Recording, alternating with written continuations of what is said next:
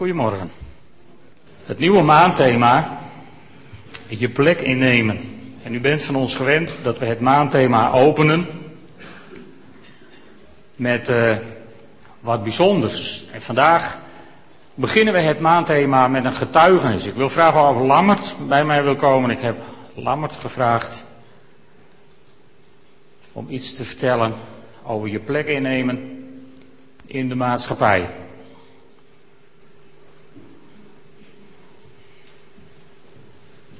Lammert, alsjeblieft.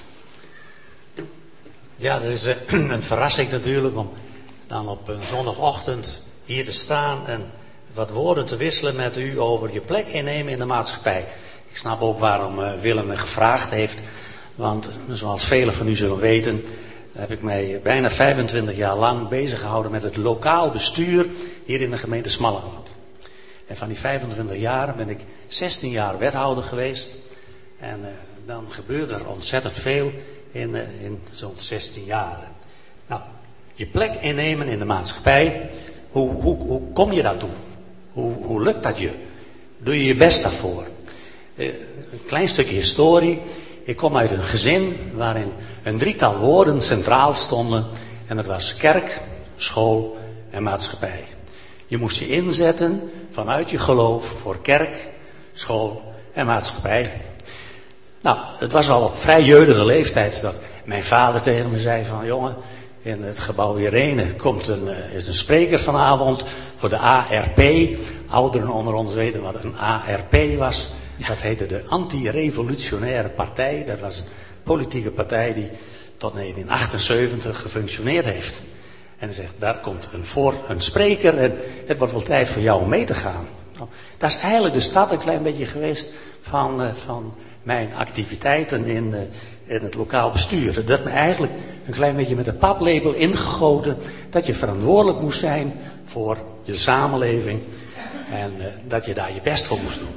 Begrip verantwoordelijkheid. En dat kwam niet zomaar uit de lucht vallen, verantwoordelijkheid. Maar eigenlijk was het verhaal vanaf het begin van de vorige eeuw. Heel de schepping is mijn.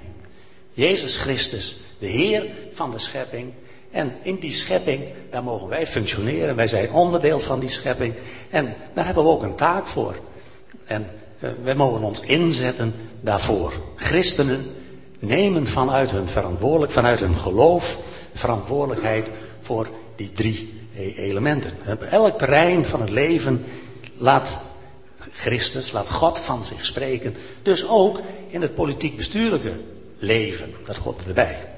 En uh, zorg voor de medemens in de schepping is heel belangrijk. Nou is politiek is, uh, een beetje een besmeurd woord geworden voor heel velen. Maar ik denk nog steeds dat het heel belangrijk is voor christenen om niet alleen in kerk en school, maar ook in de samenleving een plek te zoeken.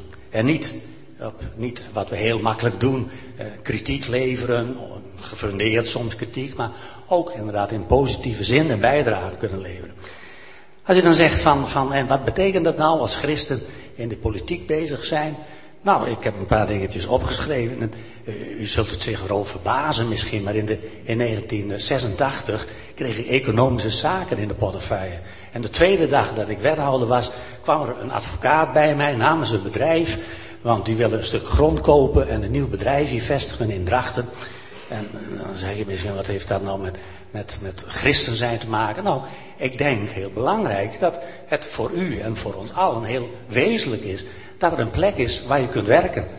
Dat is, dat is een, vanuit dat uitgangspunt reageerde. Ik wist toen op dat ogenblik niet eens wat een vierkante meter grond kostte. Dus ik moest een medewerker vragen, wat vragen we hier voor een vierkante meter grond? Maar dat was mijn tweede dag als wethouder.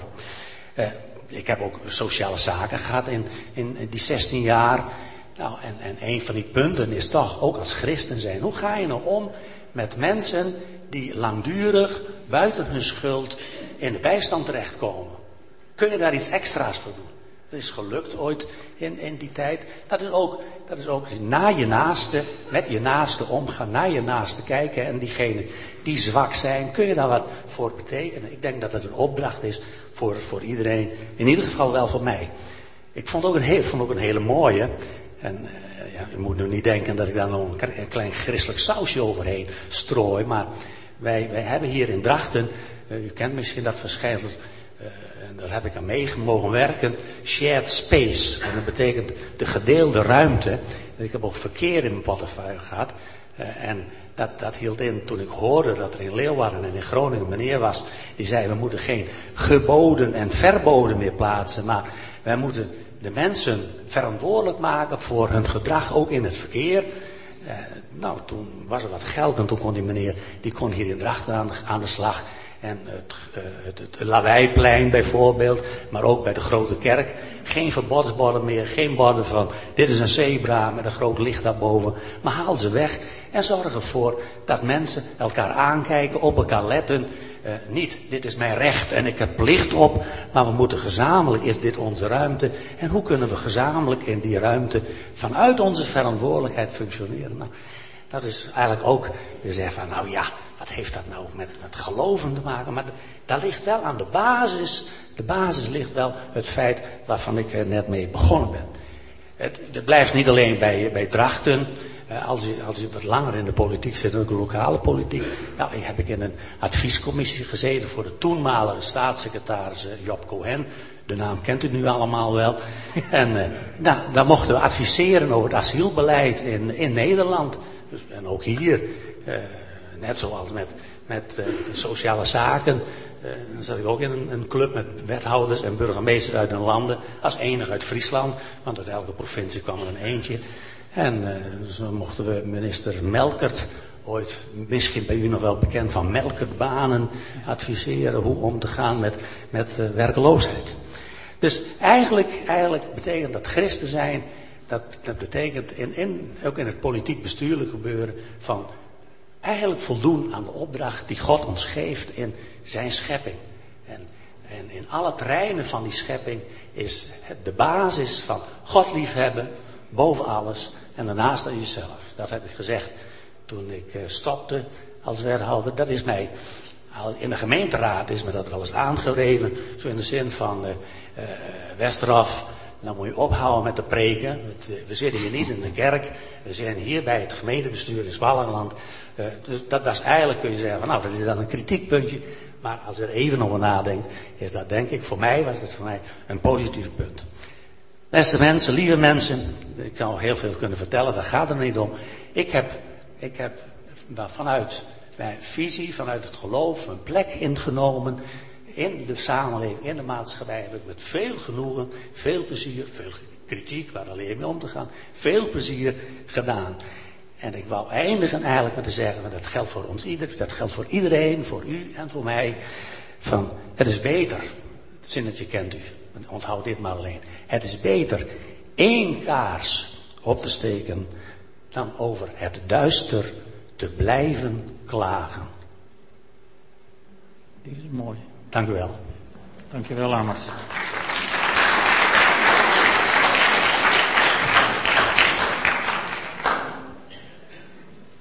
Nou, dat is een mooie aanloop naar het maandthema, vindt u niet? Je plek innemen.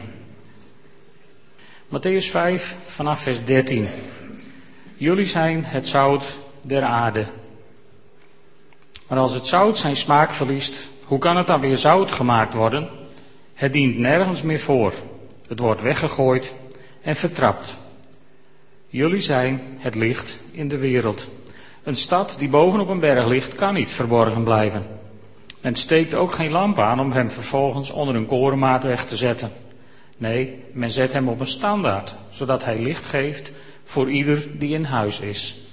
Zo moet jullie licht schijnen voor de mensen, opdat ze jullie goede daden zien en eer bewijzen aan jullie Vader in de hemel. Tot zover. Je plek innemen. Jullie zijn het zout van de aarde. In een andere evangelie staat ook iets over deze opmerking. In Marcus 9, vers 50 dan staat het zo beschreven. Zout is goed, maar als het zout zijn kracht verliest, hoe zullen jullie het zijn kracht dan teruggeven? Zorg dat jullie het zout in jezelf niet verliezen en bewaar onder elkaar de vrede. Zout zijn kracht verliezen. Kan dat dan? Dat heb je misschien thuis nog nooit meegemaakt. Dat je zout hebt gekocht en dat dat een paar maanden in de voorraadkast heeft gestaan en dat het ineens niet zout meer smaakt. Dus wij kunnen daar misschien niet zoveel mee. Maar in Israël in die tijd was het zout wat ze hadden, dat kwam uit de Dode Zee. Uiteraard, waar anders, als je in Israël woont, komt het zout uit de Dode Zee.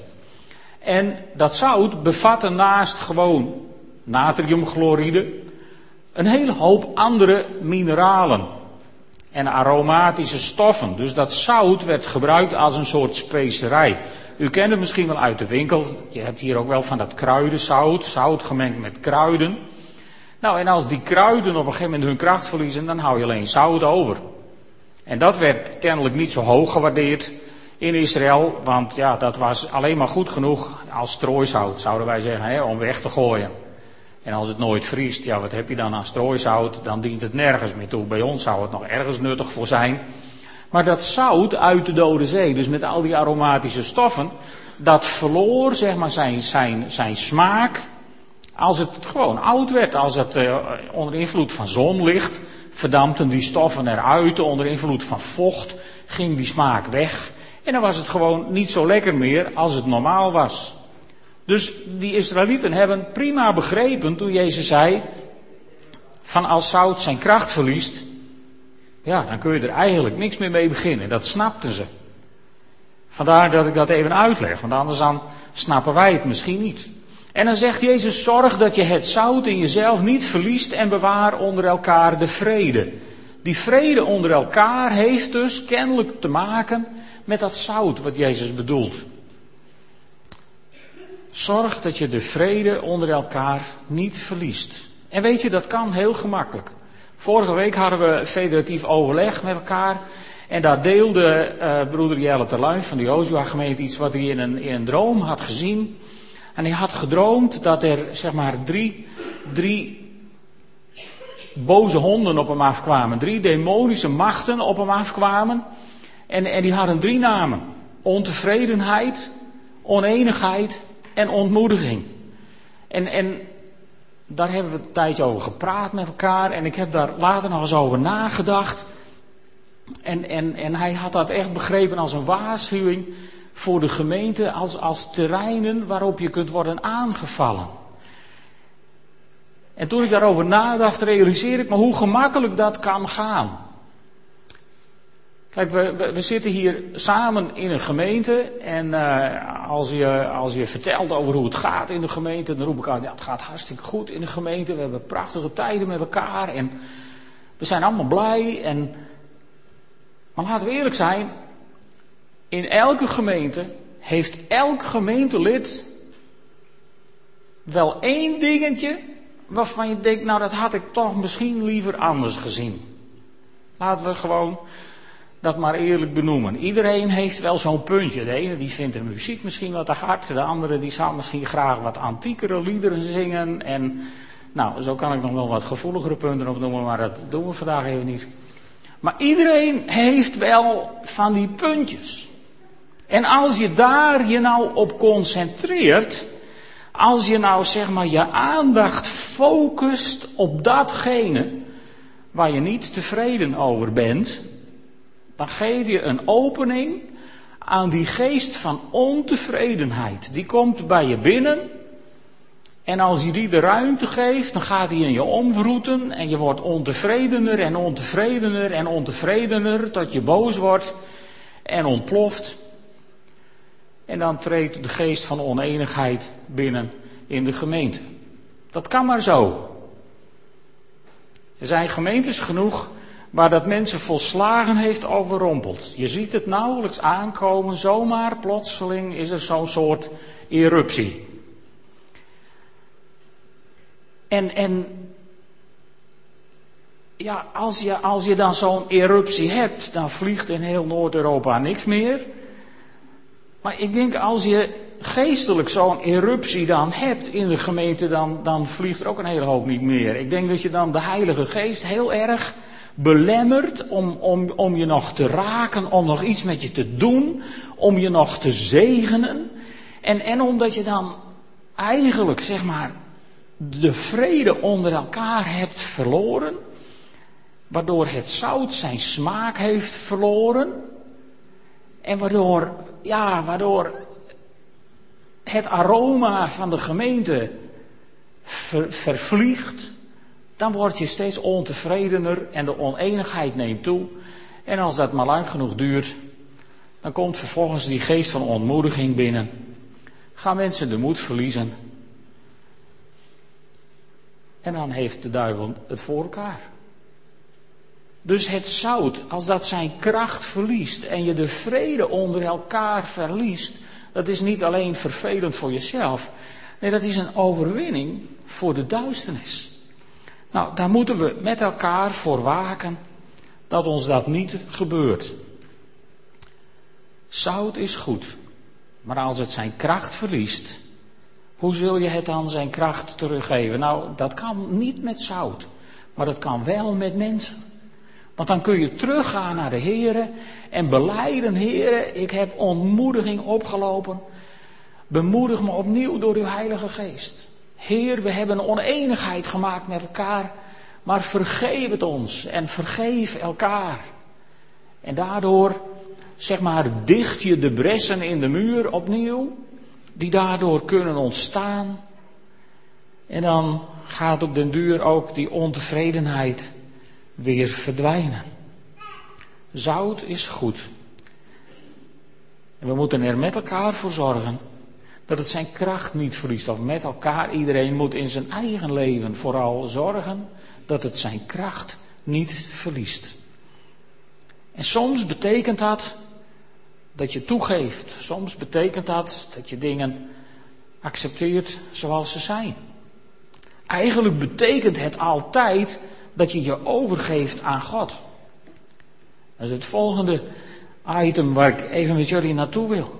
Die overgave aan God. In Romeinen 12, vers 1, daar schrijft Paulus, broeders en zusters, met een beroep op Gods barmhartigheid vraag ik u om uzelf als een levend, heilig en God welgevallig offer in zijn dienst te stellen. Want dat is de ware eredienst voor u. misschien denk je, wat heeft dat nou met zout te maken? Nou, let op. Het gaat er hier over dat we onszelf als een levend, heilig en God welgevallig offer aan God aanbieden. Maar die offers, daar was er wat mee. Want in Exodus 30, vers 5, daar gaat het over het bereiden van het reukwerk voor het reukwerkoffer. Een liefelijke geur die moest opstijgen voor Gods aangezicht. En wat zegt God daarover? Meng er zout door. Het moet zuiver en heilig zijn. En, in Leviticus 2, vers 13, daar geeft Mozes dit voorschrift namens God. Aan elk graanoffer moet zout worden toegevoegd. Het zout als teken voor het verbond met jullie God. Mag bij het graanoffer niet ontbreken. En ook aan de andere offers moet zout worden toegevoegd. Kijk, God staat niet op een zoutarm dieet. Hij is al helemaal niet zoutloos. Maar God wil dat als wij onszelf aan Hem aanbieden, dat er smaak aan ons zit. Laat het zout zijn kracht niet verliezen, want God verlangt ernaar dat we onszelf zo aan Hem aanbieden. Smaakvol, heilig, Gode welgevallig. Zodat God er een plezier aan beleeft. Onszelf aanbieden als God, als een, een, een Hem welgevallig offer, betekent niet dat we onszelf aan Hem aanbieden opdat wij het leuk vinden. Nee, het betekent dat we onszelf aan Hem aanbieden, opdat Hij er vreugde in vindt. En ons kan gebruiken. En ons kan inzetten. En ons zo op onze plek in de maatschappij kan brengen. Waar Lam het over heeft verteld. Dat is belangrijk. Dat is de roeping die er op ons leven ligt. En dat is niet gemakkelijk. Het is ook niet goedkoop. Want tegenwoordig kost een kilo zout niks, bijna. Maar vroeger, zonder de technieken die we tegenwoordig hebben, was zout uitermate kostbaar. De zouthandelaren, zeg maar, in het Midden-Oosten vroeger, dat waren de rijkste mensen die er zo'n beetje waren. Want zout was ontzettend kostbaar. Bedoel, je kon het in de Dode Zee winnen. Maar goed, als je dat in China wilde eten, dan kwamen daar nogal wat transportkosten bij. Want per kameel was de chauffeur nogal duur in zijn uurloon. Hè, want die was weken onderweg.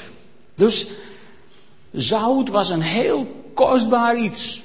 Zout was ook zo belangrijk, wist men, dat in, in, in stukken over de Romeinse geschiedenis, dat daar ergens staat beschreven dat een slaaf in Rome, die had per jaar recht op 9 liter zout.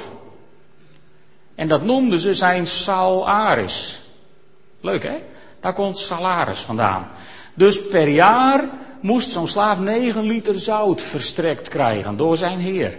En waarom? Omdat hij anders gewoon niet kon functioneren. Jullie herinneren je misschien wel de, de, de Vierdaagse van Nijmegen, een paar jaar geleden. Waar, waar het heel erg warm was en, en, en waar, waar de mensen gewoon allemaal flauw vielen en het bijna tot nationale ramp werd verheven. Nou doe ik elk jaar mee met de Elfsteden wandeltocht, ook als verzorger. En dan zie je datzelfde wel eens. Bij de finish, dan zijn die mensen binnen en dan worden ze helemaal wit en ellendig en vallen ze flauw. En het grappige is, als je dan vraagt wat heb je vandaag gegeten, dan hebben ze allemaal van die energiedingen gegeten. Weet je wel, een Mars en, uh, en, en, en uh, hoe heet het, van die energiedrankjes en... Uh, Solana's hebben ze het dan over. Allemaal van die vieze zoete rommel. Als ik dat de hele dag eet, ben ik s'avonds ook beroerd. Dus dat is heel gewoon. Dat je daar niet lekker van wordt, volgens mij. Maar kennelijk wisten ze dat ergens in Friesland. Er heeft iemand over getipt. Dus toen in Nijmegen dat gebeurde, moest ik acuut uh, een paar dagen later opdraven bij Omroep Friesland. Ja, toen stond, uh, er stonden in Friesland ook de slachtenmarathon voor de deur en nog wat dingen. En kan het nou allemaal wel doorgaan? En nou ja, waarom zou het niet door kunnen gaan? Dus toen moest ik uitleggen wat mensen dan zouden kunnen doen. En toen heb ik uh, reclame gemaakt voor Droegewast. En het is heel simpel. Als je overdag wat, wat, wat hartigs eet, een kopje soep, een stukje droge worst, een stukje kaas, uh, een zoute haring om mij, als die onderweg, als die die tegenkomt. Maar als een mens zware inspanningen moet doen, dan moet je genoeg zout consumeren over de hele dag. En ik was dus met iemand in discussie bij een slachtenwandeltocht en die lag ook helemaal als oud vuil op een brancard bij de finish. En zei ik, ja maar je moet wat hartigs eten onderweg. Ja maar dan krijg je dorst. Nou, ik zei, dan moet je veel drinken onderweg. Ja, maar dan moet je plassen. Ja. Kijk, op elk advies, ook op elk advies uit de Bijbel, uit het woord van God, op elk advies is wel een ja maar te bedenken. En eigenlijk is elke keer als iemand ja maar roept, is dat een uiting van rebellie. Je wil gewoon niet. Nou, dan niet. Ik bedoel, dan ga je voor oud vuil bij de finish liggen. Dat kan ook. Maar dat kun je voorkomen. En zout is daarin heel belangrijk. En het is ons geluk tegenwoordig dat het zo goedkoop is. En het is ook ons geluk dat wij niet in een klimaat leven waar je heel veel nodig hebt. Maar jaren geleden zijn Geertje en ik een keer van een conferentie in Rotenburg in Zuid-Beieren op de fiets teruggegaan naar huis. En, en toen we in het eerste stadje voor een stoplicht stonden, toen dacht ik, wat gebeurt me hier? Ik word hier helemaal niet goed. En toen hing daar zo'n thermometer, die je hier tegenwoordig ook al hebt met van die letters. En die wees aan dat het 43 graden was. Toen snapte ik dat het me niet helemaal goed ging. Maar dan moet je dus flink hartig eten. En je moet heel veel drinken onderweg, want anders gaat het niet goed met je. Dat heb ik aan de lijve ondervonden een paar dagen later, toen we ons hadden vergist in het kopen van drinken en, en, en, en, en water. En op een gegeven moment werd het mij zwart voor de ogen en zat ik op een bankje en dacht Geertje dat ze de rest alleen moest fietsen. Ja, dat gebeurt je dan. Hè? En, en, en gelukkig, gelukkig kwam er toen iemand met een grote jerrycan en die kwam water tanken. Eén meter achter mij, ongeveer waar ik zat, liep het water uit de berg. Koel, helder water en Gijsie had het niet gezien. Dus ik zat daar half dood te gaan op een bankje op de bron des levens. En toen dacht ik, hoeveel christenen gebeurt dat in hun leven? Zo dicht bij de bron. En niet drinken. En geen zout tot je nemen. Maar zout was kostbaar. Want waarom vertel ik dit nou? Vroeger in de oudheid was zout dus moeilijker te krijgen dan tegenwoordig. Maar je had het met die hitte net zo hard nodig dan vandaag de dag. Mensen konden er niet zonder. En daarom was het duur, kostbaar. En zout was, was zeg maar belangrijk om in leven te blijven. En zout had ook een zuiverende werking. Dat kennen we nog steeds vandaag. Hè? Denk maar aan de zoute haring. Ik bedoel, als je die zoute haring uit de zee zou halen en hem zo op de plank zou leggen op de markt, dan wilde er niemand meer naar de markt vanwege de stank. Maar nu leggen we hem netjes in het zout en dan wordt hij gepekeld en dan is hij lekker.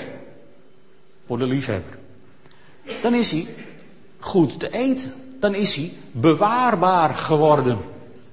Er staat zo'n mooi verhaal in 2 Koningen 2. De mensen bij Jericho, die, die wonen in Jericho. En die, uh, die, die, die hebben daar een probleem.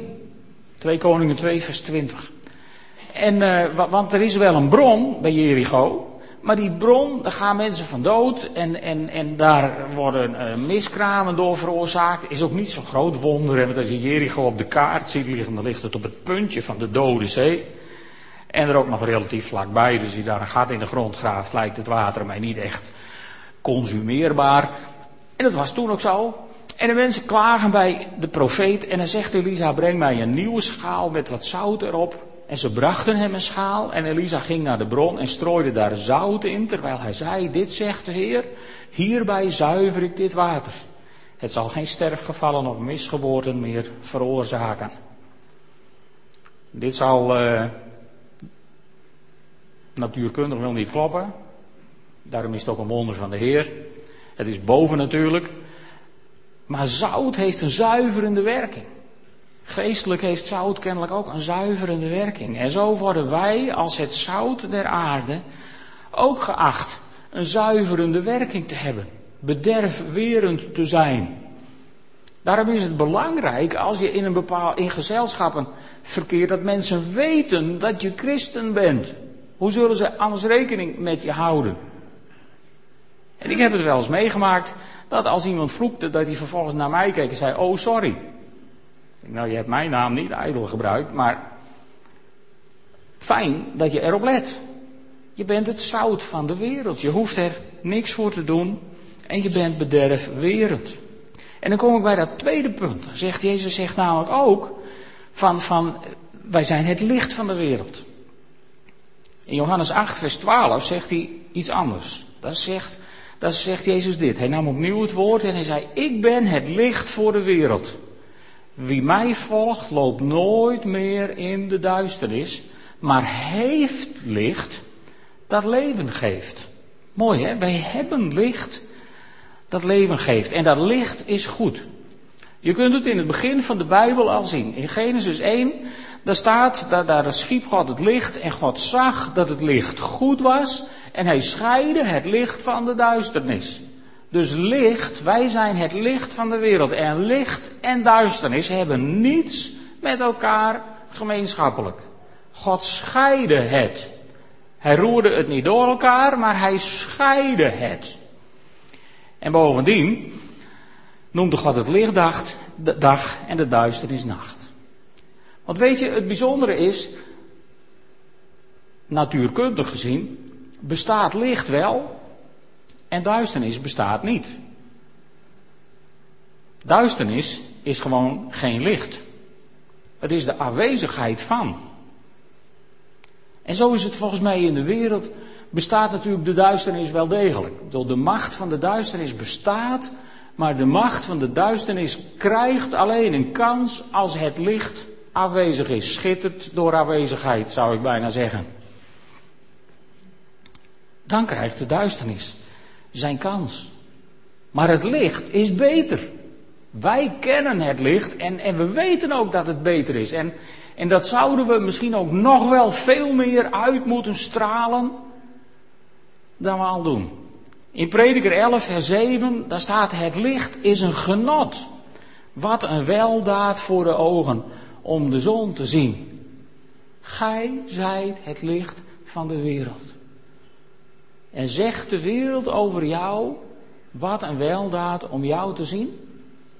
Zegt de wereld over jou, oh je bent een genot, het is heerlijk om in jouw aanwezigheid te zijn?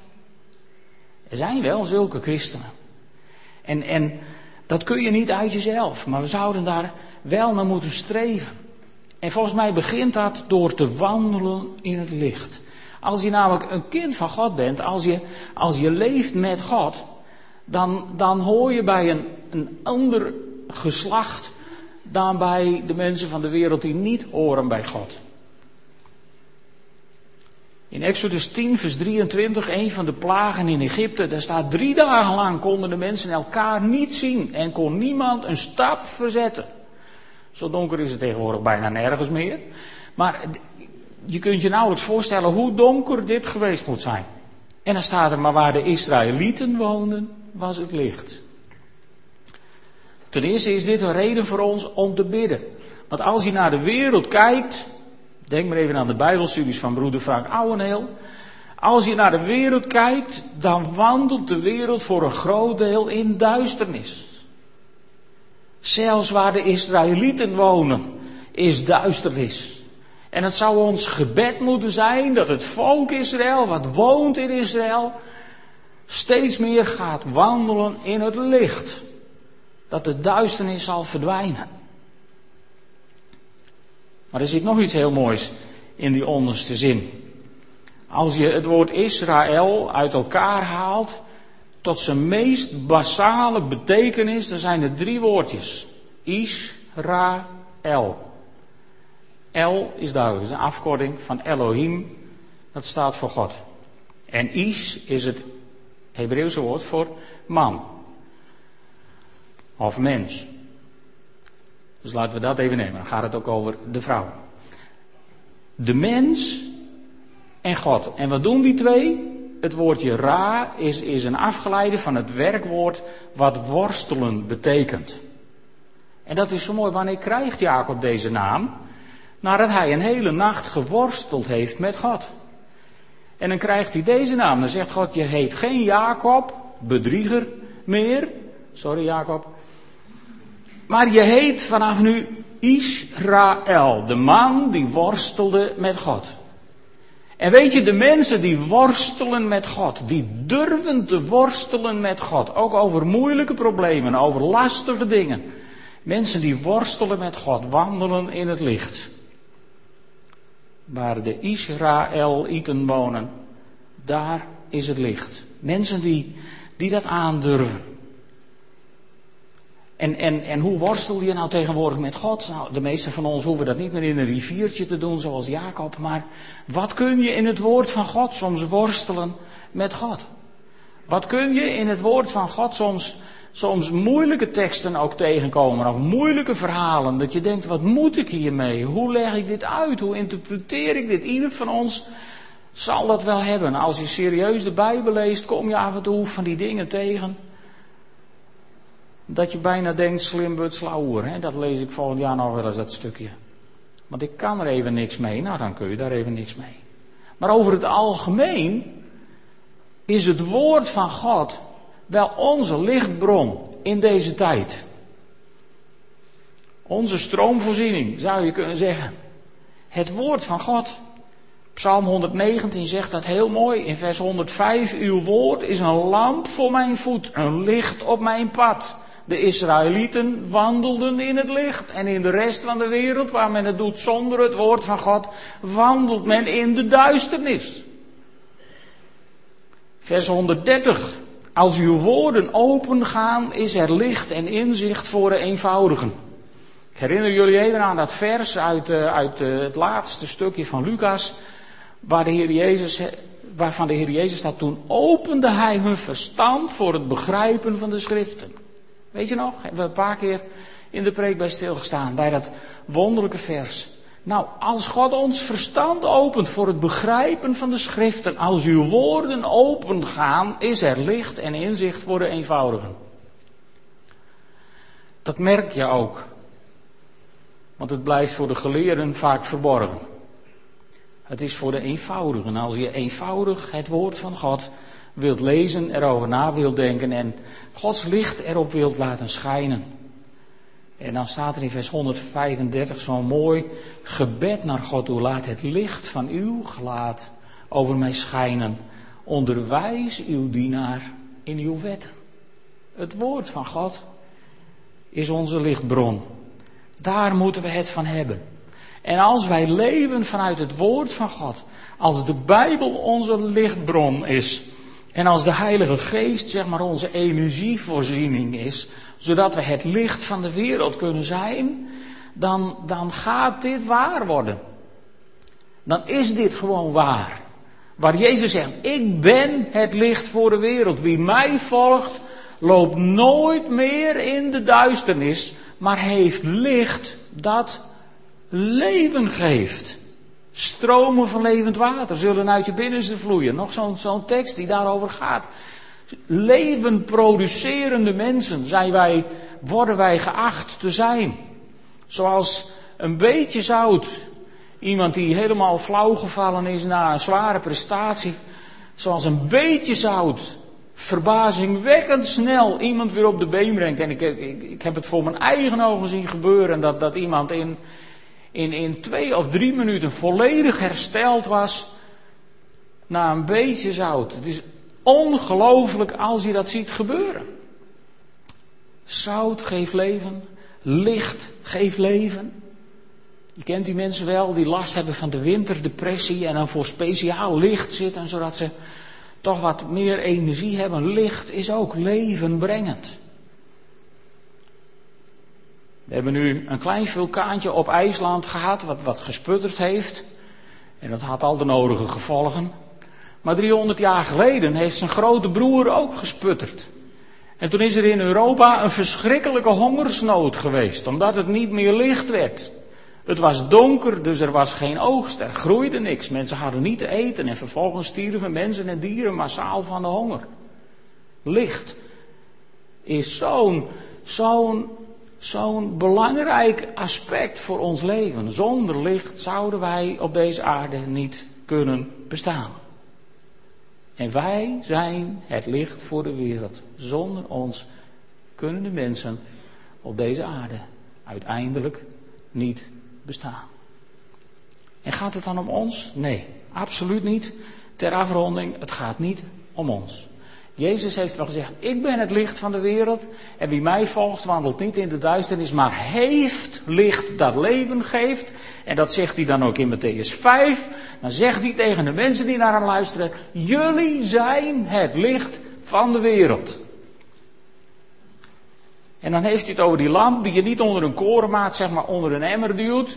Maar nee, een lamp zet je op een standaard. Een lamp moet zijn plek innemen, zodat de omgeving erdoor verlicht wordt, er wat aan heeft.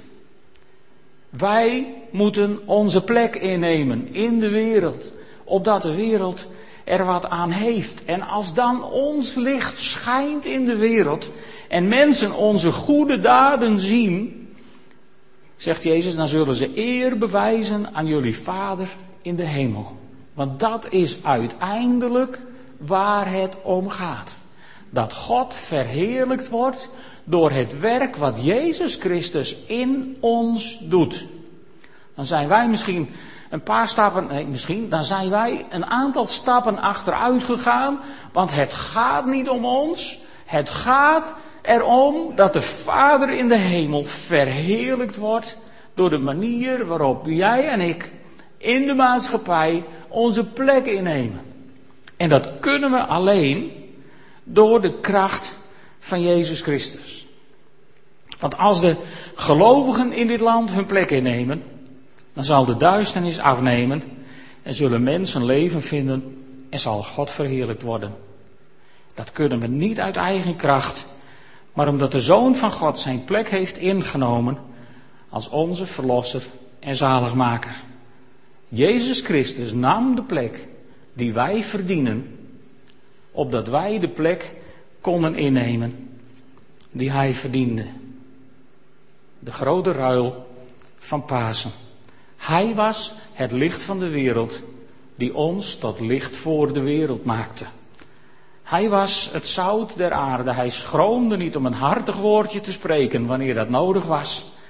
En hij maakte ons tot het zout der aarde. En wij kunnen dat omdat er kracht is in het bloed van het lam. En daarom gaan we samen avondmaal vieren. Dank u wel dat u uw zoon naar deze wereld stuurde. Dank u wel, Heer, dat dat, dat u voor ons de prijs betaalde. Dat u onze plek innam, dat u voor ons duisternis werd rond het middaguur, opdat wij licht voor de wereld mogen zijn. Heer, en daar waar we dat nog niet hebben gedaan, Heer, daar waar we hebben geschroomd, daar waar we misschien zijn teruggedeinst voor, voor zaken die u op onze weg bracht, bid ik u om nieuwe kansen. Heer, geef ons nieuwe mogelijkheden om dat vleugje zout toe te voegen waar het nodig is. Om dat sprankje licht te brengen waar het donker is. Heere God, help ons daartoe. Bekrachtig ons daartoe. Door het machtige werk van uw Heilige Geest in ons. Heer, en zegen ons daar vanmorgen ook in als we zo brood en wijn tot ons nemen en samen avondmaal gaan vieren. Heer, dank u wel dat u ons die herinnering achter hebt gelaten van brood en wijn.